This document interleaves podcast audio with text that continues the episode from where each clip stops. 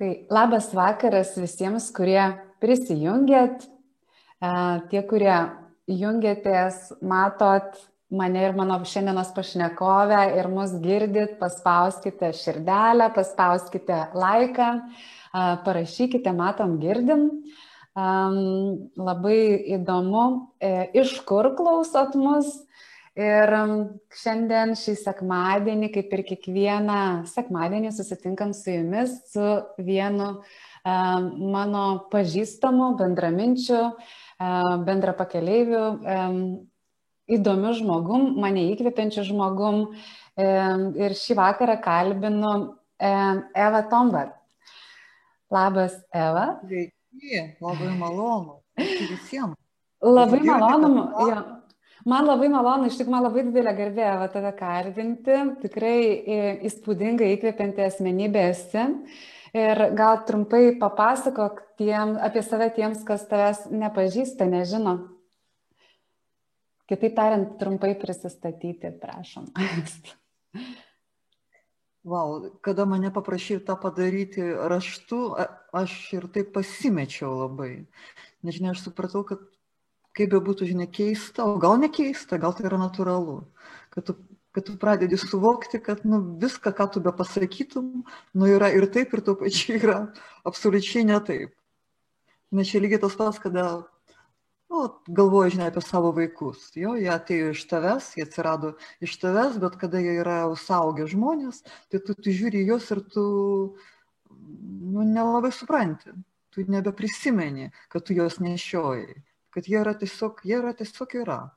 Ir, žinai, lygiai tas pats yra ir su tom, nu, ir su tom veiklom. Žinai, buvo laikas, kad aš save pristatinėti labai norėdavau, aš esu trijų vaikų mama. Nu, esu? Esu. Taip. Aš esu žmona, aš gyvenu su tuo pačiu vyru, kurį labai myliu jau 35 metai. Taip, taip, bet ar tai esu aš? Nežinau. Tai tiesiog yra, nu, kažkokia dalelė manęs. Turbūt jo, tai yra tai, ką kas mane padarė tuo, ką, kuo aš esu. Aš esu baigusi žurnalistiką, studijavusi du metus geografiją, bet jos nebaigiau, bet matomai, nu, va, tas toks, žinai, neišsipildymas, nu, jis kažkaip tai mėgina kompensuotis per, nu, per keliones, žinai, pagal per aistrą keliauti. Žinai, aš kada, kodėl aš pasirinkau kažkada tai studijas geografijos. Aš svajojau, kad aš tyrinėsiu Australiją. Prisimenu mokyklos laikais, kad man buvo įdomiausia rašyti ten apie Australijos florą ir fauną. Nu, tas kontinentas toks, jis man iki šiol yra, nu, jis, man jis yra išskirtinis. Labai labai ir tuo pačiu labai labai tarsi savas.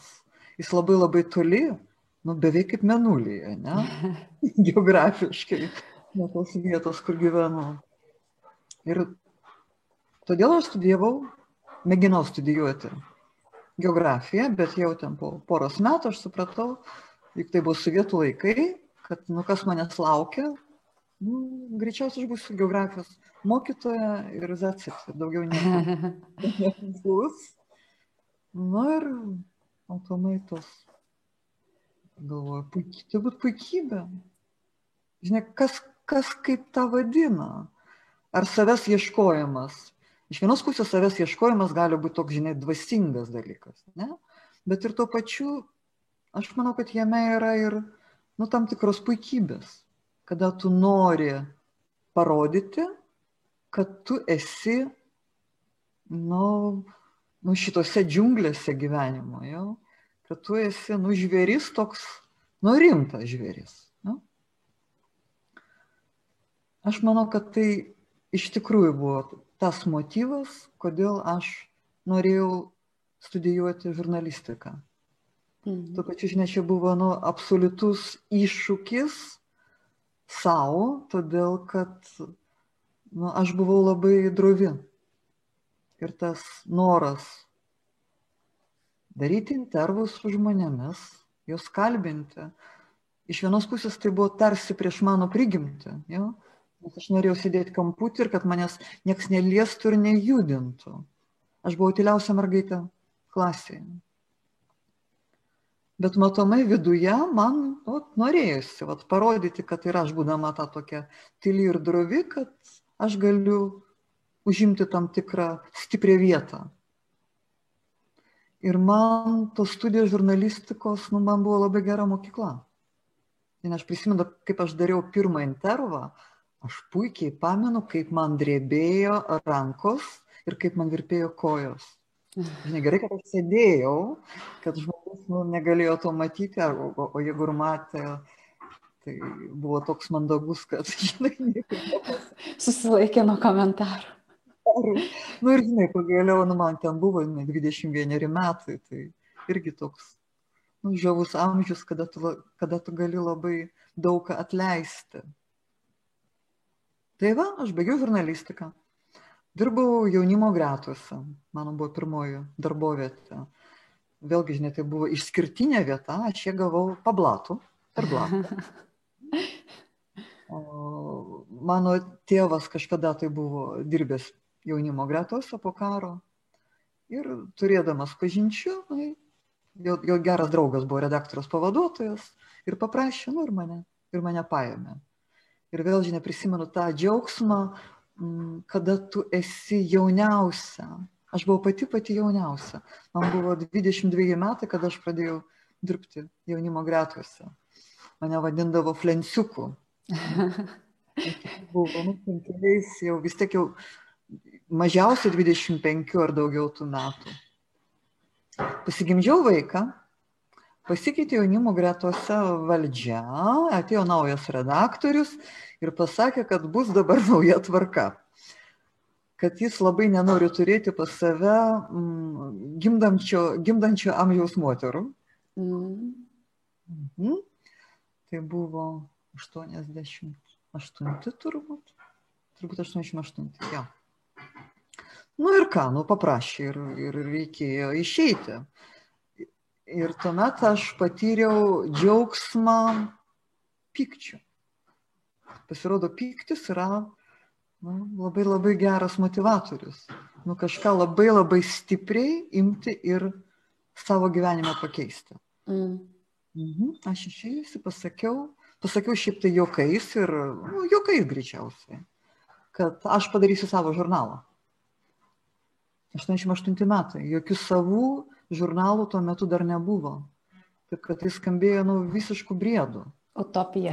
Utopija, ne. Laikas buvo labai geras, nes jinai pradėjo tuo metu juk viskas vertės, absoliučiai mm. viskas keitėsi, keitėsi santvarka. Ir aš manau, kad tiesiog viskas atsitiko labai nustulbinančiai gerų laikų, labai gerų sutapimų.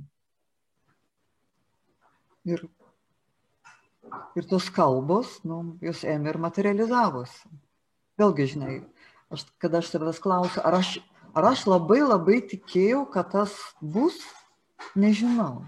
Aš nesu, žinok, dėl to tikra. Man atrodo, kad aš tiesiog uh, žongliravau žodžiais. Ja? Aš net...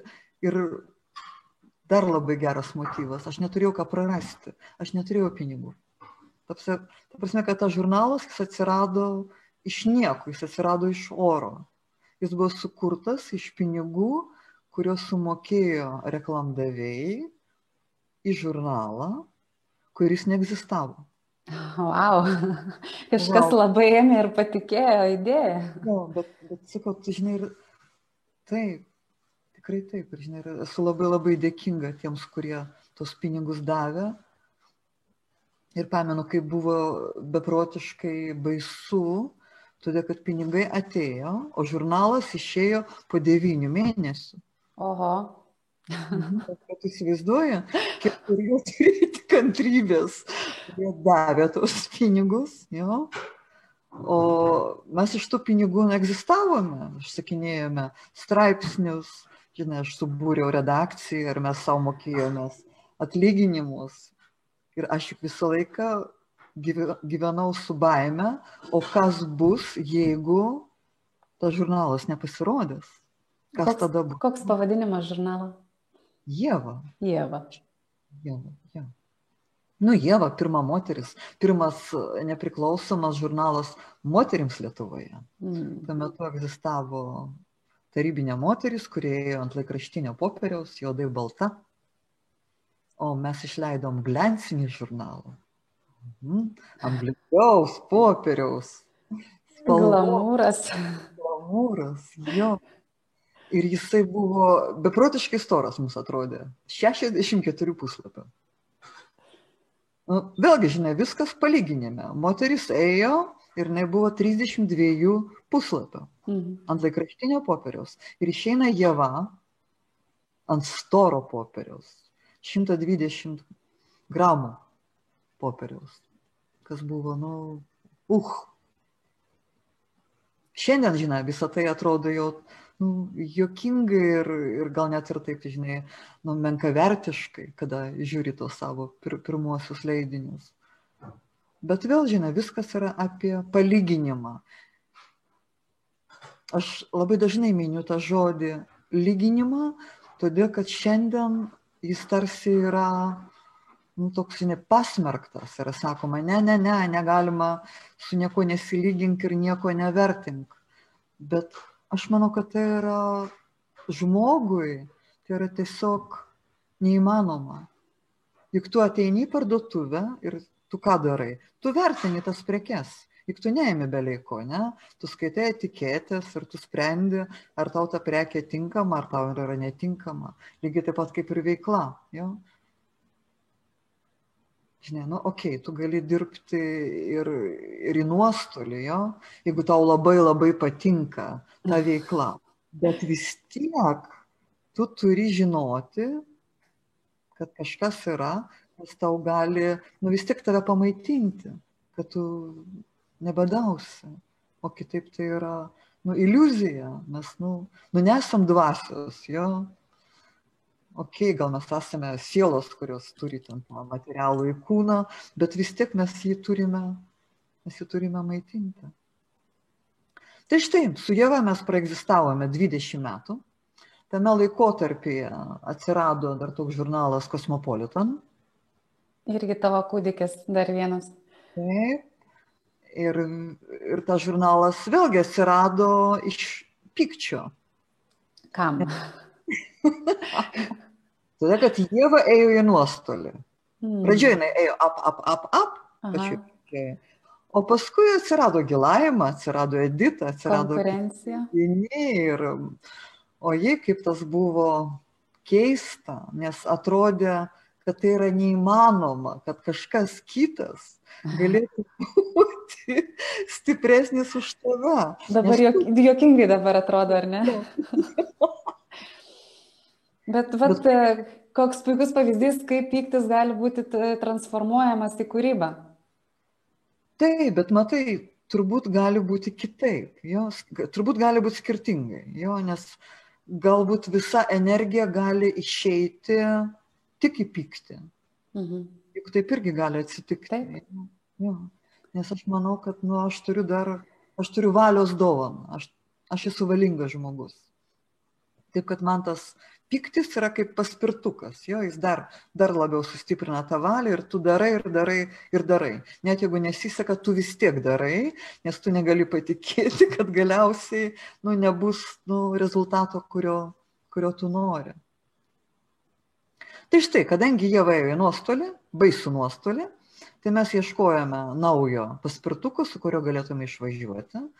Ir vėlgi, žinia, buvo labai geras laikas. Nu, mums tikrai pasisekė. Nes tu įsivaizduok, nu, žinai, kaip šiandien tas skamba, kad tu randi telefoną kosmo, Heresto kompanijos, kuri leidžia, leido Kosmopolitaną, ir tu skambini nurodytų telefonų reklamoje tave jungia sekretorė, klausia, su kuo tu nori kalbėti, tu sakai su prezidentu. Nemačiau. Ir jinai sako, gerai, tai sujungsiu. Ir tu pasakoji tam prezidentui, kad va, tu esi iš tokios mažos šalies ir kad tu svajoji leisti žurnalą Cosmopolitan. Ir prezidentas sako, gerai, rašyk biznio planą. Taip nu, skamba, nu, Tai paprastai, juk skamba, žinai, nu, aš pati, kada ir šiandien, žinai, apie tą pasakoju, man atrodo, nu, o kaip taip galėjo, kaip taip galėjo būti, kaip taip galėjo pasisekti. Bet tai žinai, vėl yra apie tai, kad jeigu tu nepabandysi, tai tau tikrai nepasiseks. Nu, nu, nu gal, gal kažkas galėjo ateiti ir pasakyti, avutė, tu labai nori, girdėjau leisti kosmopolitaną, tai štai tau aš padariau biznio planą ir dabar tu gali jį leisti. Nu, bet taip nebuvo. Bet nuo to momento, kada mes iš tikrųjų jį pradėjom leisti, praėjo dar, praėjo dar keli metai kad mes toliau dar vis gyvenom savo skolose ir baimėse. Išleidę kosmopolitaną mes padengėme visas skolas per metus laiko. Wow. mes ne tik padengėme savo skolas, mes užsidirbome ir mes pasistatėme savo namus. Mes pasistatėme tą kotedžą, kuriame šiandien gyvename. Ir vėlgi, žinai, nu, aš, aš labai tuo didžiuojuosi. Bijok, bet daryk, ar ne? jo, nes supranti, mes ne tik tai savo nu, sukūrėme gyvenimą, bet mes sukūrėme gyvenimą ir labai labai daug, daugeliu žmonių. Mes mokėjome labai gerus atlyginimus. Mūsų honorarai buvo vieni didžiausių Lietuvoje. Taip, kad žmonės pas mus norėjo dirbti ir, ir todėl, kad tai buvo nu, gera kompanija, kurie rūpinosi savo žmonėmis. Mhm. Mhm. Bet vėl, žinai, viskam yra turbūt savo laikas Tu dar nepavargai klausyti mano balso? Ne, ne, ne, man labai įdomu, aš rašausi. Viskam, žinai, yra savo laikas ir hm, po kelių metų aš supratau, kad aš nebenoriu žaisti kosmopolitono redaktorės vaidmens. Mhm. Nu, vaidmuo man pradžioje buvo labai patrauklus, nes jis labai, nu, labai kitoks negu aš pati esu. Mhm. Nu, jis labai toks idėjinis, labai komikonuoliškas. Tu viską gali. Tau tik reikia ten pagalvoti, tau reikia pasistengti būti seksualia, gražia, pasirūpinti, būti įžulę ir viskas, visas pasaulis bus po tavo kojomis. Mūsų kuratorius kuratorius yra tas, kuris buvo atsakingas už kuravimą Europos šalių mhm. kosmopolitanus. Uh, jisai sakydavo, žinai, kas yra kosmopolitanas? Tai yra žurnalas Durnai sekretoriai. Jis yra apie dešimt būdų, kaip patirti orgasmą važiuojant metro arba troleibusu.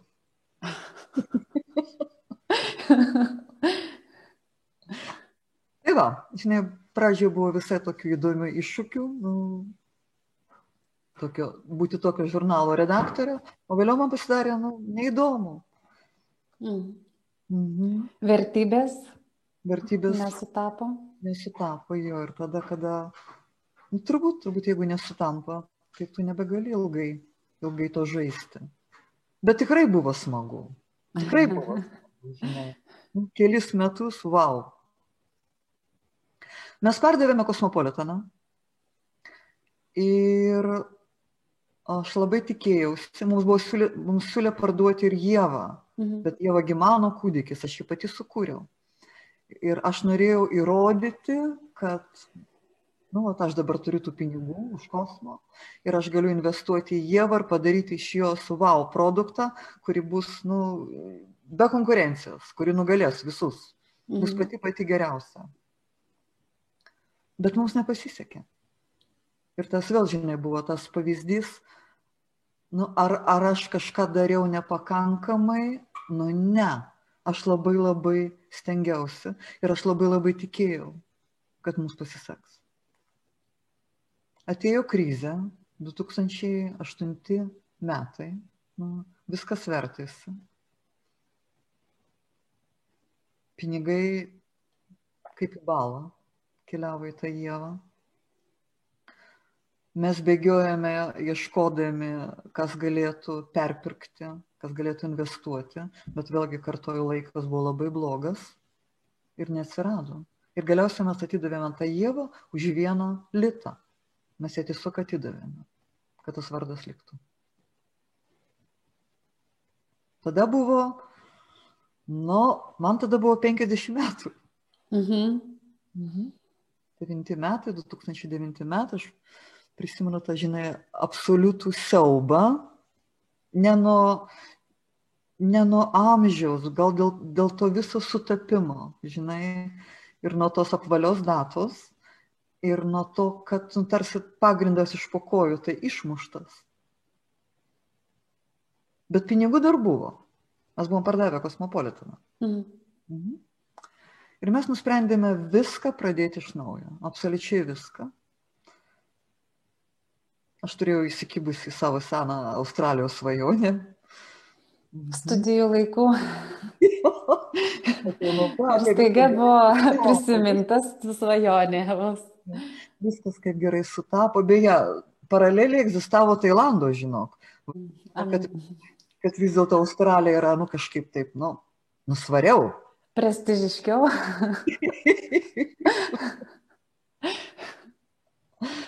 Ir mes nusprendėm važiuoti į Australiją, žinoma, pasirinkom nu, labiausiai neįmanomą variantą, vietą, kuri yra mažiausiai apgyvendinta, tai yra vakarinė Australijos pakrantė. Ten labai mažas žmonių tankis. Iš vienos pusės, žinai, skamba nu, labai gražiai tokiems intravertams, mes esame šiaip tai su vyru abu intravertai, mums patinka nu, atstumas su žmonėmis. Jo. Bet verslui tai buvo nu, katastrofa, absoliučiai katastrofa. Australijoje mes įsigijome kavinę, nes mes labai norėjome kažką daryti naudingo žmonėms, o neleisti tos durnus žurnalus. ką nors labiau apčiuopiamo, ar ne? Aha, jo, nes taigi maistas, nu, žmonėsgi visada nori valgyti. Man patinka kava, man pati, aš skiriu gerą kavą, jo, nu, čia taip gražu, kava, ledai, piragaičiai. Mes įsigijome kavinę naujame prekybcentryje, kas irgi, žinot, tarsi skamba, nu taip gražiai, taigi Lietuvoje Akropolis klesti. Mhm bet nauja šalis ir visiškai kitos, nu, žinai, visiškai kitos taisyklės, tu, tu apskritai nelabai supranti, kaip kas veikia. Ir ypač jeigu tu nori daryti verslą, nu neapsišildęs kojų. Mm. Žodžiu, mes bankrutavome žaibiškai. Absoliučiai. Na nu ir ką, ir mums teko grįžti. Mums teko grįžti atgal į Lietuvą. Žinai, kada man, man sako, kaip, kaip, tau, kaip tau nebuvo gėda. Nu, žinai, aš dabar galvoju, ar man buvo, ar man buvo gėda. Nu, buvo gėda, kad nepasisekė, bet kodėl man turi būti gėda sugrįžti į savo šalį. Mhm. Na. Man greičiau, žinai, buvo nuostabu, kad um,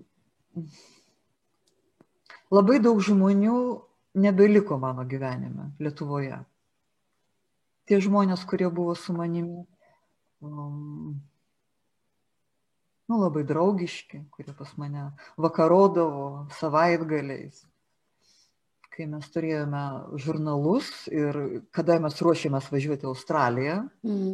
Mhm.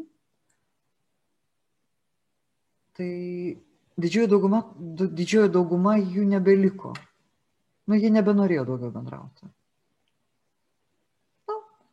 žinai, viską gali suprasti, ne? Tu juk negali bendrauti su begaliniu kiekiu žmonių. Iškia, jeigu tu bendrauji, tai arba žmogus tau yra labai įdomus, arba jis tavo yra draugas, arba tai yra naudingas santykis. Na taip. Na taip.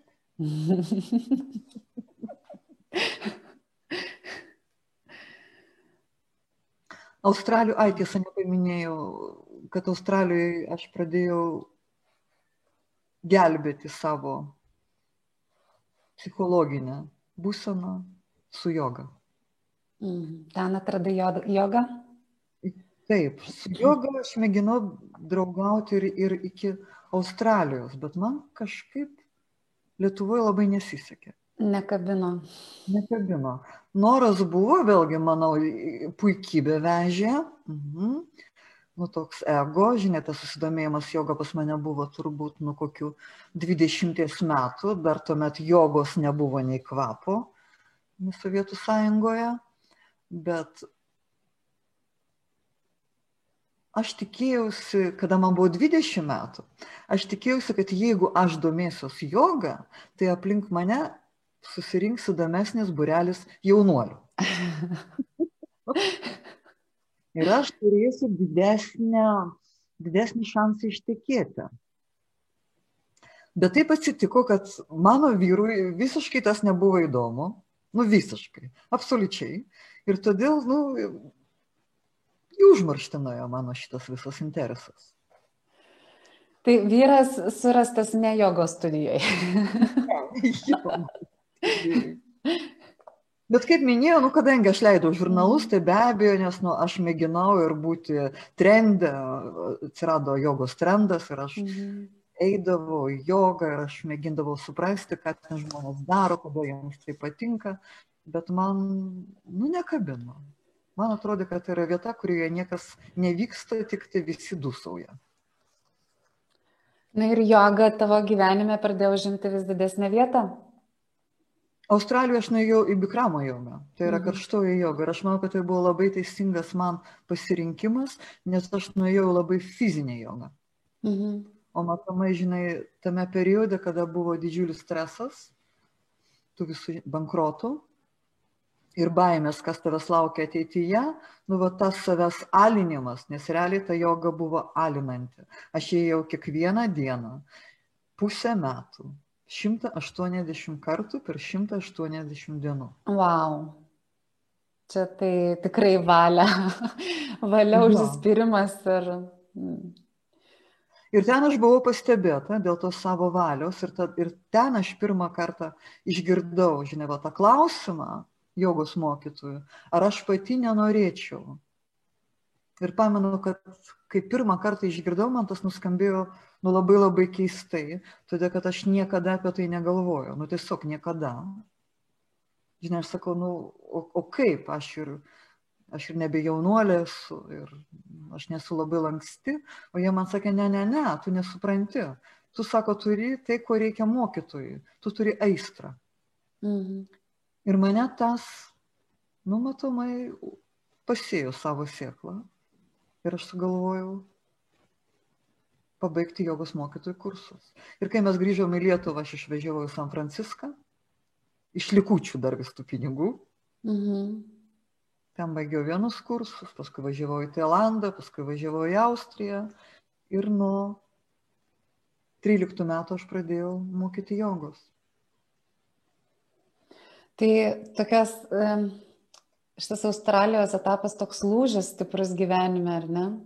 Taip. Buvo taip. visiškai. Ir žinai, kada man sako, ar kokią žodžių miniu Australijai, aš jį miniu labai gerų žodžių. Nes aš toliau manau, kad tai yra labai graži šalis. Labai mm. graži. Ir labai gera šalis. Mums tiesiog nepasisekė ir viskas. Ir vėlgi, žinai, kada sakai nepasisekė, nu nepasisekė su tuo verslu konkrečiai. Jo? Bet tai nuveda tave kažkur tai kitur. Tur. Tai galima sakyti, kad Australija tiesiog pakeitė tavo gyvenimą. Australija tikrai pakeitė mane. Tikrai mhm. pakeitė mane. Kokia buvai iki ir kokia buvai po? Vat įdomu, ar žmonės keičiasi, nes kartais yra sakoma, kad žmogus nesikeičia, Kita kart sakoma, kad žmogus keičiasi kiekvieną dieną. Kokia tavo nuomonė? Aš manau, kad visi pasakymai yra teisingi. Aš manau, kad mes atsinešame viską, absoliučiai visas savybės. Tiesiog mes galime, nu, kai kurias vėliau stipriau išvystyti ir sumažinti, nu, anksčiau dominavusias. Ir viskas man būna labai, žinok, įdomu, kada žmonės nesikeičia, nes man, man, man tai yra labai labai keista. Aš to nelabai suprantu. Gal jiems yra labai gerai, o gal jie yra bailiai. Ir turbūt vėlgi abu atsakymai yra teisingi. Ir tu, nu, tu neįlysti į kitą ir to, ir to nesuprasti. Žinai, aš lūžį Australijai puikiai prisimenu kada mes matėme, nu, kad su verslu jau bus blogai su ta kavinė, man pasidarė labai savęs gaila. Labai. Mm. O mes atvažiavome su vaikais dviem. Mūsų vyresnėlis jau buvo Anglijoje, studijavo tuo metu, o mažiai dar buvo mažiai, dar lankė mokyklą. Ir aš pamenu, kad aš guliu lovoje ir aš verkiu. Nu, mangi labai savęs gaila, nu labai, man tokie fainai ir taip nepasisekė. Ir aš matau savo vaikų žvilgsnius ir aš suprantu, kad jie į mane žiūri iš aukšto. Taip sakant, aš suprantu, kad aš prarandu autoritetą ir kad aš tampu nu tokia menka. Mhm. Ir aš suprantu, kad jeigu aš toliau tęsiu tą pačią elgsenos, tą patį elgsenos modelį, nu, aš suprantu, kas bus toliau. Ja? Mano santykiai su vaikais nu, pasi, pasikeis taip, kaip aš nenorėčiau. Ir būtent tada aš nuvariau į jogą. Būtent tada. Krentanti savivertė, savęs nevertinimas. Jo. Tada pradeda nevertinti ir kiti. Taip. Ir mano vaikai, kada mes jau grįžome į Lietuvą, jie pasakė, kad aš jiems labiau patinku dabar, negu kada anksčiau. Mhm. Žinai, gali sakyti, kad tai joga, bet aš manau, kad tai yra viskas kartu. Mhm. Aš manau, kad vietoj jogos galėjo būti bet kas kitkas. Turbūt. Mhm. Tai galėjo būti fizinė praktika, galėjo būti ir, ir ne fizinė praktika. O Eva, kiek tau buvo metų, kai tapai jogos mokytoja?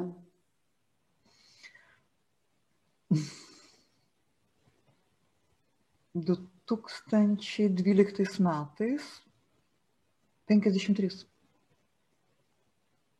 Aš prisimenu savo pirmus jogos mokytojų kursus San Franciske. Mano, aš buvau pati vyriausia. Čiagi buvo pirmas lygis. Pirmas. 200 valandų. Aš buvau ne tai, kad vyriausia, aš buvau dvigubai vyriausia. aš įsivaizduoju. Jie visi buvo anglakalbiai. Nu, reiškia, dar ir mano kalba buvo šluba. Aš buvau visom prasmėm šluba. Ir aš puikiai prisimenu, kaip būnant tenai, aš, nu, savęs klausiau, ką aš čia darau, ką aš čia darau. Realiai reikia gal susirinkti tavo manatkas ir varyti iš čia. Ir puikiai pamenu tą, žinai, akimirką, kada savo pasakiau, nesvarbu, ar aš tapsiu jogos mokytoja, ar aš netapsiu tą jogos mokytoją, bet kadangi aš čia esu, aš, aš noriu baigti tos kursus. Mm. Pažiūrėti, kas bus toliau. Ir aš manau, kad tai buvo absoliučiai nuostabi mokykla. Absoliučiai. Nu, mokykla, kada tu, nu, darbas su savo savivertė kada tu savo leidi būti blogiausia. Aš leidau savo būti blogiausia. Nu, tu įsivaizduok, aš buvau redaktorė, kurią vadino Velmi, kuris dėvi Pradą. Puikybės aš turėjau. Mhm. Aš, turėjau, aš buvau labai reikli, aš, gerai, aš mokėjau gerus honorarus, bet aš ir labai gerai reikalavau. O čia, o čia aš buvau pati blogiausia. Ir vėl žinai, kaip tas yra sveika pabūti viskuo, pabūti žemiau už žolę. Jo? Balansas, ar ne? Taip, Gyvenime yra balansas. Tiesa, dar žinai, nepaminėjau, kad e, laukdami Australijos vizos, e, aš parašiau knygą savo pirmąją. Ta knyga vadinasi Kas liko už kadro, jinai buvo apie mano leidybinę patirtį. Ir žinai, vėlgi tai buvo labai gera psichoterapija. Mhm. Rašymas? Rašymas. Ir žinai, kada aš pradėjau rašyti, aš nežinojau, ar aš parašysiu ar neparašysiu tos knygos. Tai buvo, žinai, labai panašu į tą Jėvos darimą, Jėvos projektą. Kada aš, pasak, kada aš pranešiau visiems, kad aš tą darau, man pranešti yra labai gerai. Yra žmonės, kurie bijo mhm. kalbėti, nes jie Aš, neži, aš nežinau, ko jie bijo. Gal jie bijo, kad jūs nužiūrės, ar jie gal bijo kritikos. O man turbūt yra priešingai. Aš įsipareigoju, jo, ir tai, tai tarsi uždega mano valią.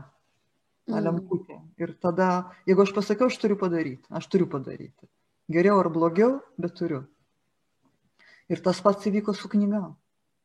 Mes vos, vos spėjome su vyru išleisti knygą, jinai išėjo du mėnesiai iki mūsų išvažiavimo. Bet koks tai buvo džiaugsmas. Simona, koks tai buvo džiaugsmas. Ir palengvėjimas viduje, ar ne toksai? Aha, ir tai, kad tu tą galėjai padaryti. Ir buvo taip gražu, kaip žmonės tą priėmė. Nu tai buvo, wow. Žinai, vienas dalykas yra rašyti į žurnalą, kurį kūrė kolektyvas. Taip?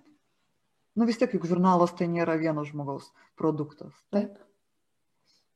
Ir visiškai kas kita rašyti savo knygą, nes tu tuomet gali būti visiškai savimi.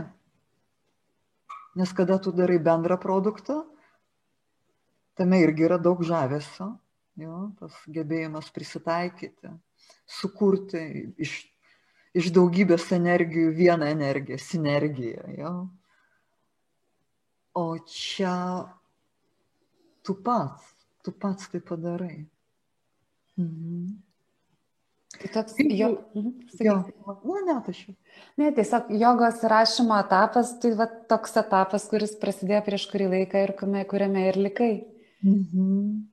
Nu ir ką, žinai, dabar žiūriu atgal, kad aš ne, juk šiaip kas, kasdienybėje atrodo, kad niekas nevyksta. Ne? Mhm. Nu, tos dienos tos labai panašios. Bet kada tu pasižiūri atgal, vėlgi apie palyginimą kalbė, mhm. tu tada pamatai. Ir aš ne, aš žiūriu atgal ir aš matau, kiek daug įvyko vat, nuo tų 11 metų, per tos 10 mhm. metų. Šešios knygos, septinta buvo užrašinė knyga jo, trys jogos mokytojų kursai. Mhm. Daugybė pravestų daugybė, jogos pamokų. Taip, daugybė kelionių, daugybė Kelionių. kelionių. Su joga. Įrašymu. Įrašymu, taip. Ir tada galvoju, wow, gyvenime dar gali labai daug kas įvykti. Nepriklausomai nuo to, kiek tau metų, ar ne, ir gyvenimą gali taip, keisti. Taip. Aš manau, kad yra labai rizikinga sustoti, kada tu turi daugiau negu 50 metų. Aš manau, kad tu gali stoviniuoti iki to laiko, tu gali sauliaisti pauzes, neveikimo, bet kada tau yra daugiau, tu nebegali. Todėl, kad tos, tos gyvybinės energijos lieka mažiau. Taip. Bet Lietuvoje yra, nu tikrai ant rankų pirštų galima suskaičiuoti žmonės, kurie, vat, kaip tu, imtų ir keistų savo gyvenimą taip kardinaliai, kai jam daugiau negu 50. Man taip atrodo. Gal dabar jau truputėlį keičiasi, bet tu tokia viena iš e, pionierių. Žinai, tai yra apie tai, kad žmonės arba jiems yra gerai, arba jie yra bailiai. Arba kvailiai. Arba... Aš labai dažnai vartoju šitą žodį, bet ir man dėl to gėda. nu taip. Tik garsinu. Garsini jau. Bet arba jiems nėra dar tai blogai.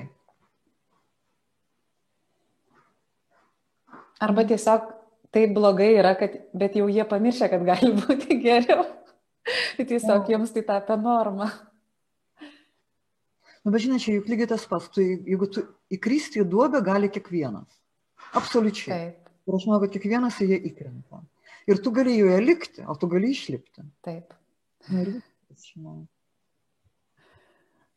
Blogiausia yra turbūt tas variantas, kada žmogus sėdi duobėje ir verkia. Nes jeigu jis neverkia, tai viskas tvarkoja. Ja? Bet jeigu jis verkia ir nelipa, va tada yra labai liūdna. Mhm. Tiesa. Šiuo metu per karantiną jogos pamokas vedi? Ne, šiuo metu nevedu. Nevedu todėl, kad aš turiu kitą užsiemimą, kuris man absoliučiai pasiima visą mane. Papasakok daugiau. Aš rašiau knygą, kuri manau, kad bus knyga iš didžiosios raidės. Aš rašau knygą apie mistinius potyrius. Ne tik apie savo, aš neturiu daug. Tai yra knyga apie kitų mistinius potyrius. Ir ne tik tai, tai bus ne tik tai pasakojimai, ne tik tai istorijos iš pirmų lūpų, bet ir nu, tam tikras tiltas tarp mokslo ir mistikos. Todėl, kad aš dar darau interviu su mokslininkais, smegenų tyrėjais, su psichiatrais, psichologais, vaikų gydytojais, gynekologais. Wow. Nu, o, o Kaip tai- gynekologas su mistiniam patirtim yra susijęs, net nesuveščiau. labai labai paprastai. O istorijos pastojimų, juk ar, argi tai ne mistika yra? Mm. Kada pastoja tos, kurios tarsi, tarsi ne už ką negali turėti vaikų. Ir kaip neturi tos, kurios yra absoliučiai sveikos. Argi tai ne mistika? Iš tiesų, tai ne vieną tokią istoriją žinau, kur nepastoja, dirbtinis apvaisinimas pastoja, po kiek laiko pasikeičia, pavyzdžiui, vyras ir galvoja, kad negaliu pastotos, taigi atsiranda Taip. vaikelis. O kiek yra istorijų tokių, kur mane, kad negali turėti vaikų, įsivaikino ir Ir pastoja. pastoja. O, na. Kažkoks blokas atsidaro, ar ne? Mhm. Nu, bet sakyk, man, man žinok, man gyvybės atsiradimas turbūt yra nu, mistiškiausias dalykas. Kodėl, kodėl vieni gali būti tos gyvybės nešėjais, o kiti negali. Nu, nuosta- nuostabu yra. Dabar nes pagalvoju, kad gal reikėtų kažkuriam gyvenime tapti gynekologė. Čia manifestacija. Na, va, pasakiau dabar jo, net pagalvojau, kad, nu, jo, įdomu. Mhm. Gali pasidalinti dar kokią nors istoriją iš būsimos savo knygos apie mistinės patirtis? Ne dabar, kadangi prakalbau, žinai, apie tas, tos pastojimus, prisiminiau vienos draugės pasakojimą, kaip jinai būdama, jinai jau turėjo du vaikus ir neplanavo daugiau turėti vaikų. Ir būdama 45 metų, įsivaizduoju, 45 metų, jinai, nu, jinai pastoja. Ir yra absoliutus šokas, nes metai jinai neplanavo, jinai nenori, visiškai nenori. Ir tuo pačiu jinai yra prieš abortus. Jinai Mm. niekada gyvenime nesidarė aborto ir visada smerkia moteris, kurios jos darosi. Ir dabar jinai turi, nu, dilemą, nes jinai labai nenori to vaiko. Nu, labai.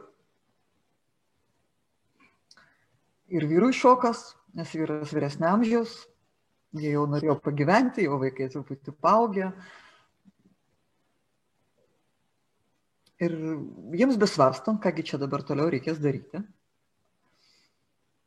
Jų antrasis vaikas, kuriam tuo metu buvo penki gal metai, ja, jisai vieną rytą atsikelia ir bėga ir mama sako, mama, kokią aš sapną sapnavau, kokią aš sapną sapnavau.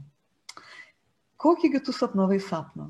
Ir vaikas pasakoja, kad jisai matė baltą žmogeliuką su balta kepuraitė. Ir tas žmogeliukas sakė, kad jisai myli ir broliukus, ir savo, ir, ir mamytę myli, ir tevelį myli. Ir taip jis visus myli, ir jis taip džiaugiasi, kad jis greitai su mumis bus kartu. Wow, man širpas eina dabar per kūną. Nu ką, nu, nu šiurpas, nu ir tai mama, žinai, buvo šiurpas. Ir tada jinai apsisprendė, kad, nu, kad išeities nėra, kad reikės tą vaiką gimdyti. Bet tu žinok, jie įvyko persileidimas. Ir jinai mano, kad matomai viduje tas nenoras buvo toks stiprus, nu, kad išklausė. Mm. Išklausė ir netėjo. Man labai stipri šitą istoriją yra, ne? Mhm. Nu, Taip, kalbėjai ir kalbėjai ir pasakoji, man širpas per kūną. O žinai, iš tų... Galiu dar vieną istoriją pasidalinti. Mhm. Mano vienos draugės tėvas,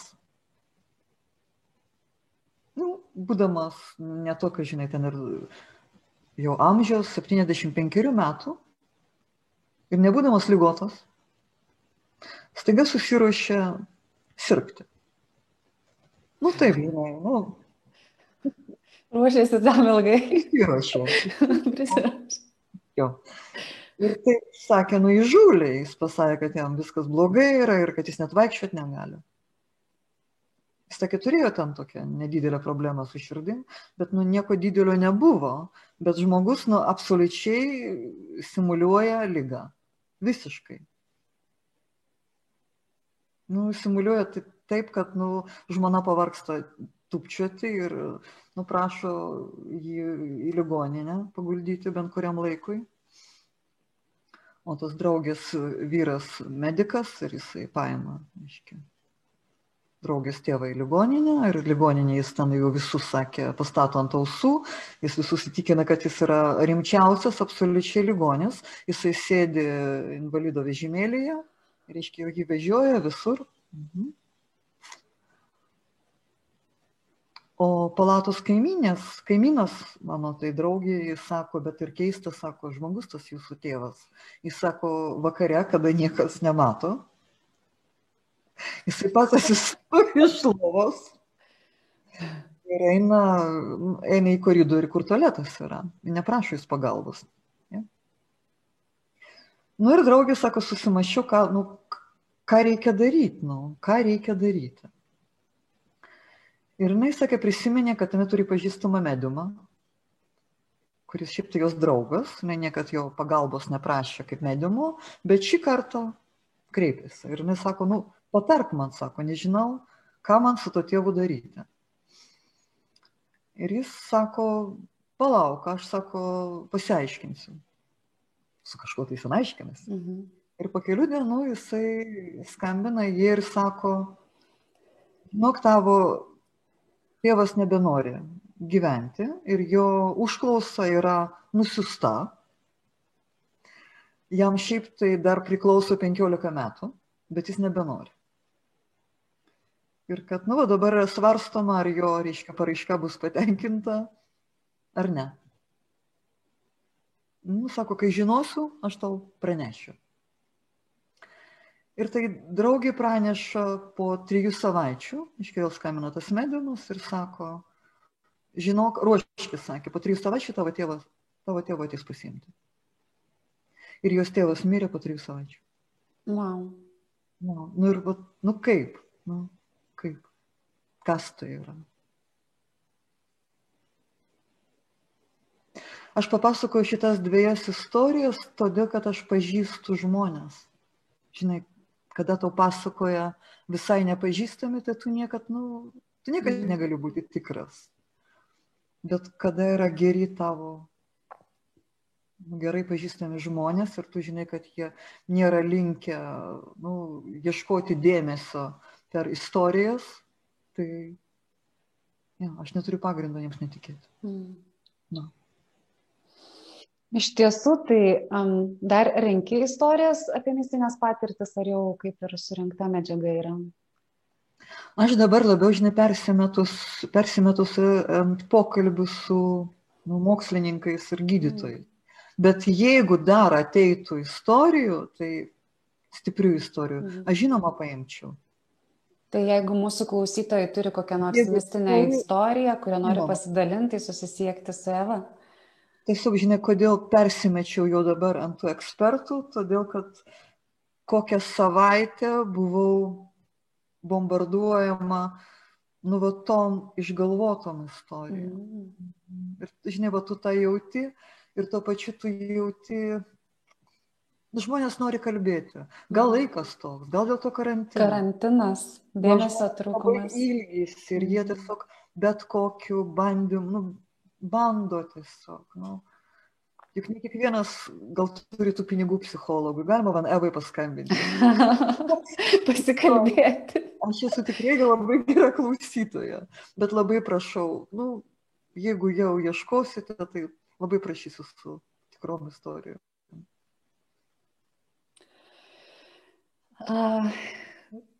Dar apie knygą nori ką nors pasakyti, nes aš tada grįšiu dar prie jogos truputėlį. Man žinai yra įdomu, žinai, vėl aš susimašiau, kaip aš to pasakoju apie tą puikybę pradžioj mm. ir galvoju apie tai, kad ta puikybė, žinai, jinai yra ir su tos, ir tų mistinių istorijų temoje irgi. Mm. Aš manau, kad dalis žmonių, kurie labai domisi mistiniais nutikimais, nu jie nori tokiu būdu tarsi pakelti savo vertę. Nu, yra, yra ir tokia kategorija žmonių. Nes aš manau, kad kada žmogus yra a, banalus terminas harmonijoje, jo su savimi, nu, vis tiek jį labiau domina realybė. Jį, jį labiau domina tai, kas šiuo metu vyksta, o į tą mistiką jis nebent sureaguoja, nu jeigu tai atsitinka, bet jis jo specialiai neieško, jo. Jis neieško, jis nevaikšto ir neieško tų savo praeito gyvenimo istorijų. Tiesiog aš pastebėjau, žinai, kad tie žmonės, kurie jas jų ieškosi, nu taip, dalis žmonių yra, galbūt jie turi psichologinių problemų. Mhm. Bet kiti tiesiog mėgina užpildyti kažkokią tuštumą realybės. Bet vėlgi, žinai, aš to pasidalinau ir, ir tiek, nes kiekvienas, na, nu, ar aš, ar aš galiu jos, aš jų neteisiu ir nesmerkiu, aš tiesiog, tiesiog dalinuosiu. Gal kažkam tai surezonuos, man kartais, žinai, labai padeda, vat, kaip tas vaikų smerkiantis, smerkiantis žvilgsnis, kar, kartais būna, kad tu išgirsti ir supranti, kad tai yra apie tave ir kad tu nenori čia būti, kad tu tiesiog to anksčiau nepastebėjai, bet tu išgirdai ir pamatėjai. Va, mm. Tai aš tik todėl tą tu norėjau pasidalinti. Kiekvienas turi savo tiesą. Kiek, kiekvienas be abejo turi, mm. jo, ir tos tiesos jos ir keičiasi. Kaip ir žinai, ta, ta kova įrodinėjimas tiesų, kaip tai yra nubejėgiška netgi istorijų pasakojimas yra bejėgiškas dalykas, nes galvoju, kiek yra istorijos mokslas, koks jis yra sudėtingas. Mm. Juk mes visi prisimenam skirtingai. Yra taip žavu, kai tu susitinki su draugėmis ir jūs pradeda kalbėti apie bendrą nutikimą ir jūs jį prisimenat mm. visiškai skirtingai. Nu, man, tai, man yra taip žavu kartais ginčijasi, bet juk realiai ginčytis nėra apie ką, nes tu tai prisimena. Tu taip, o ji taip ir viskas. Na, čia ir kiekvienuose santykiuose šitas yra. Kiek porų, pavyzdžiui, taip. Tasi dėl, nors kalba apie tą patį, tik tai kitais žodžiais. Ar ne? Taip. Taip. Kad daug metų, kol nustotum padaryti. Tai Eva, dar tau klausimas, tai kaip grįžti, grįžtam, mes kažkaip nutrukom tą vietą, tai kaip tu pasikeitai e, atradusi jogą įrašymą ir pakeitusi savo gyvenimą, kas pasikeitė tavo viduje? Aš manau, kad aš tapau labiau pofigistą. Uh -huh. Nu, kažkas gal tai vadina gražiau, gal tai vadina tiekme. Nu, man patinka pofigizmo terminas. Jo man pasidarė žymiai daugiau dzin daugelį dalykų. Žinai, pasakyti, ar aš, ar aš, taip, aš turbūt tapau ramesnė, manau, kad taip. Mhm. Bet aš turiu emocinės supinės ir man jos, ir man jos patinka. Žinai, aš žinau, kad, žinau, kad, kad viskas turi kartotiną ritmą. Nu, tarkim, jeigu tau nesiseka, tai greičiausiai ne tik tai vienoje srityje, dar kažkur tau, tau nepasiseks. Jeigu tu atsikėlė iš netos kojos, nu, tai greičiausiai ta diena dėja bus sušikta. Ja? Tai keulės dėsnis eis iš paskui. Bet lygiai tas pats galioja ir sėkmėje. Jo, ir būna, kad tu pabundi ir tu jauti, kad tai yra tavo diena tavo diena. Ir tada reikia labai labai daug ką spėti padaryti, todėl kad realiai viskas bus up, up, up, viskas kyla. Ir aš tą dieną Nu, aš labai daug ką darau ir aš labai džiaugiuosi gyvenimu tą dieną. Aš labai vėlai numiegoti, nes aš labai nenoriu, kad ta diena pasibaigtų, todėl kad aš žinau, kad kadangi aš taip užkėliau tą, žinai, liniją, tą kreivę, kitą dieną bus pagirios. tai dar prie to paties tavo, ar tu, nu, vat, mūsų pokalbis jau visai pabaiga, tai ar tu, nu, pavyzdžiui, tam, kad išlikti tame dzen, um, režime, ar tu kažkokias praktikas dar darai, ar tiesiog? Nu, visų pirma, žinok, yoga padeda žaibiškai. Kiekvieną dieną praktikuoji? Aš dabar nepraktikuoju kiekvieną dieną, bet būna laikas, kada vėl tą darau kiekvieną dieną. Mhm. Kai jauti poreikį, ar ne? Jo, bet yra, žinai, yra kitas labai geras dalykas. Juk realiai tau užtenka atsisėsti, kada tu jau esi buvusi tose būsenose daugybę, daugybę kartų. Tu kur kas greičiau į jas sugrįžti, mm. kur kas greičiau. Ja?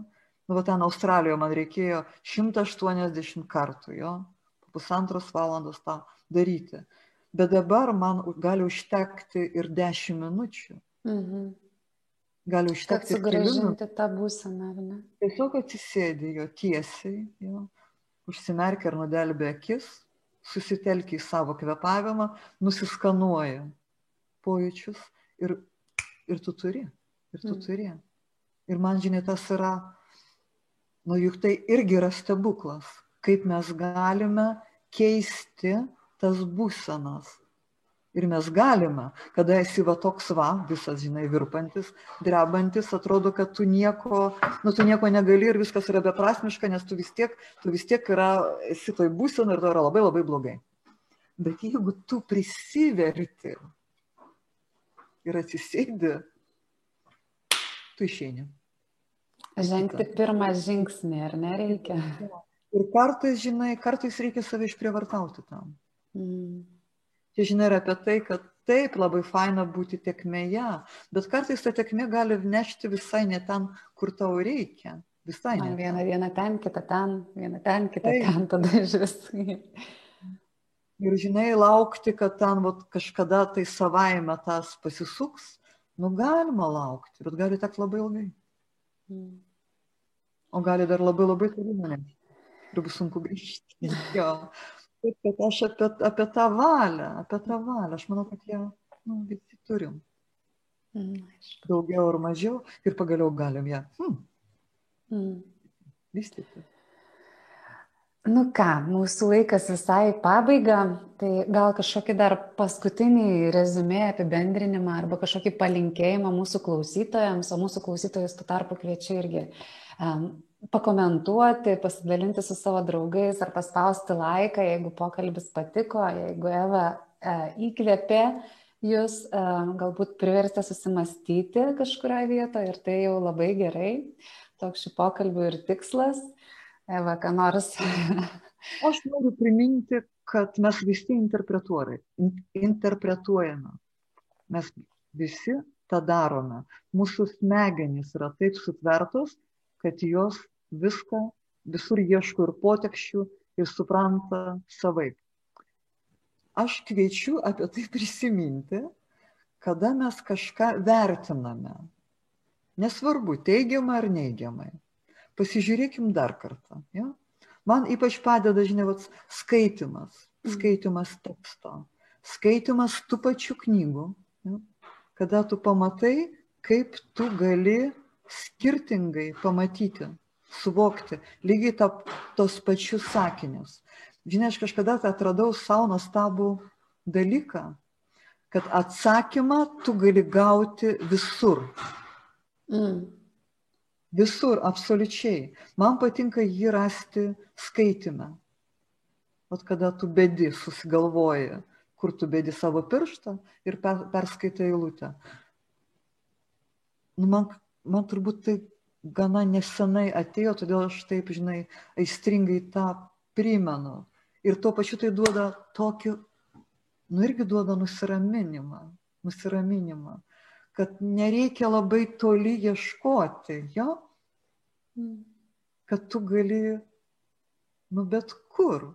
Ir žinai, kada tu, kada tu išmoksti telkti dėmesį, jį tikrai gali kiekvienas išmokti telkti. Tai tada tu pradedi matyti ir tos pasikartojimus, o juos matyti yra labai naudinga, nes tu tada gali matyti, kuria kryptimi tau verta judėti, ar iš kur kaip tik reikia trauktis. Tai labai dėkoju, Eva, už pasidalinimą, už savo gyvenimo istoriją, už atvirumą, už išvalgas, už mintis. Ačiū tau.